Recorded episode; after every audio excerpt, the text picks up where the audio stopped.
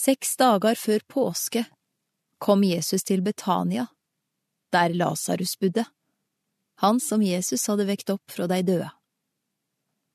Der heldt de eit festmåltid for han. Martha var tjener, og Lasarus var en av de som lå til bords med han. Da tok Maria eit pund ekte dyr nardussalve og salva Jesu føtter og tørka deg med håret sitt. Heile huset vart fylt av angen.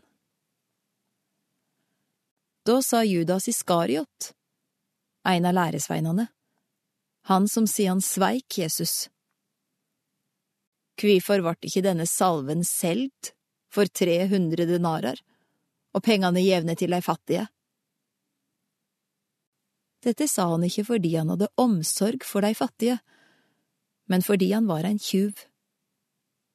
Det var han som hadde ansvaret for pengekassa, og han tok av det som ble lagt der. Men Jesus sa, Lat henne være. Hun har gøymt salven til gravferdsdagen min.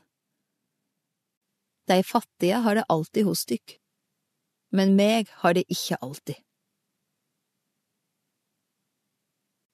Den store mengde av jøder som var samla, fikk nå vite at Jesus var i Betania. Og de kom dit, ikke bare for Jesus skyld, men òg for å se Lasarus, som han hadde vekt opp fra de døde. Da la overprestene planer om å drepe Lasarus òg, for mange av jødene drog dit for hans skyld, og kom til tru på Jesus.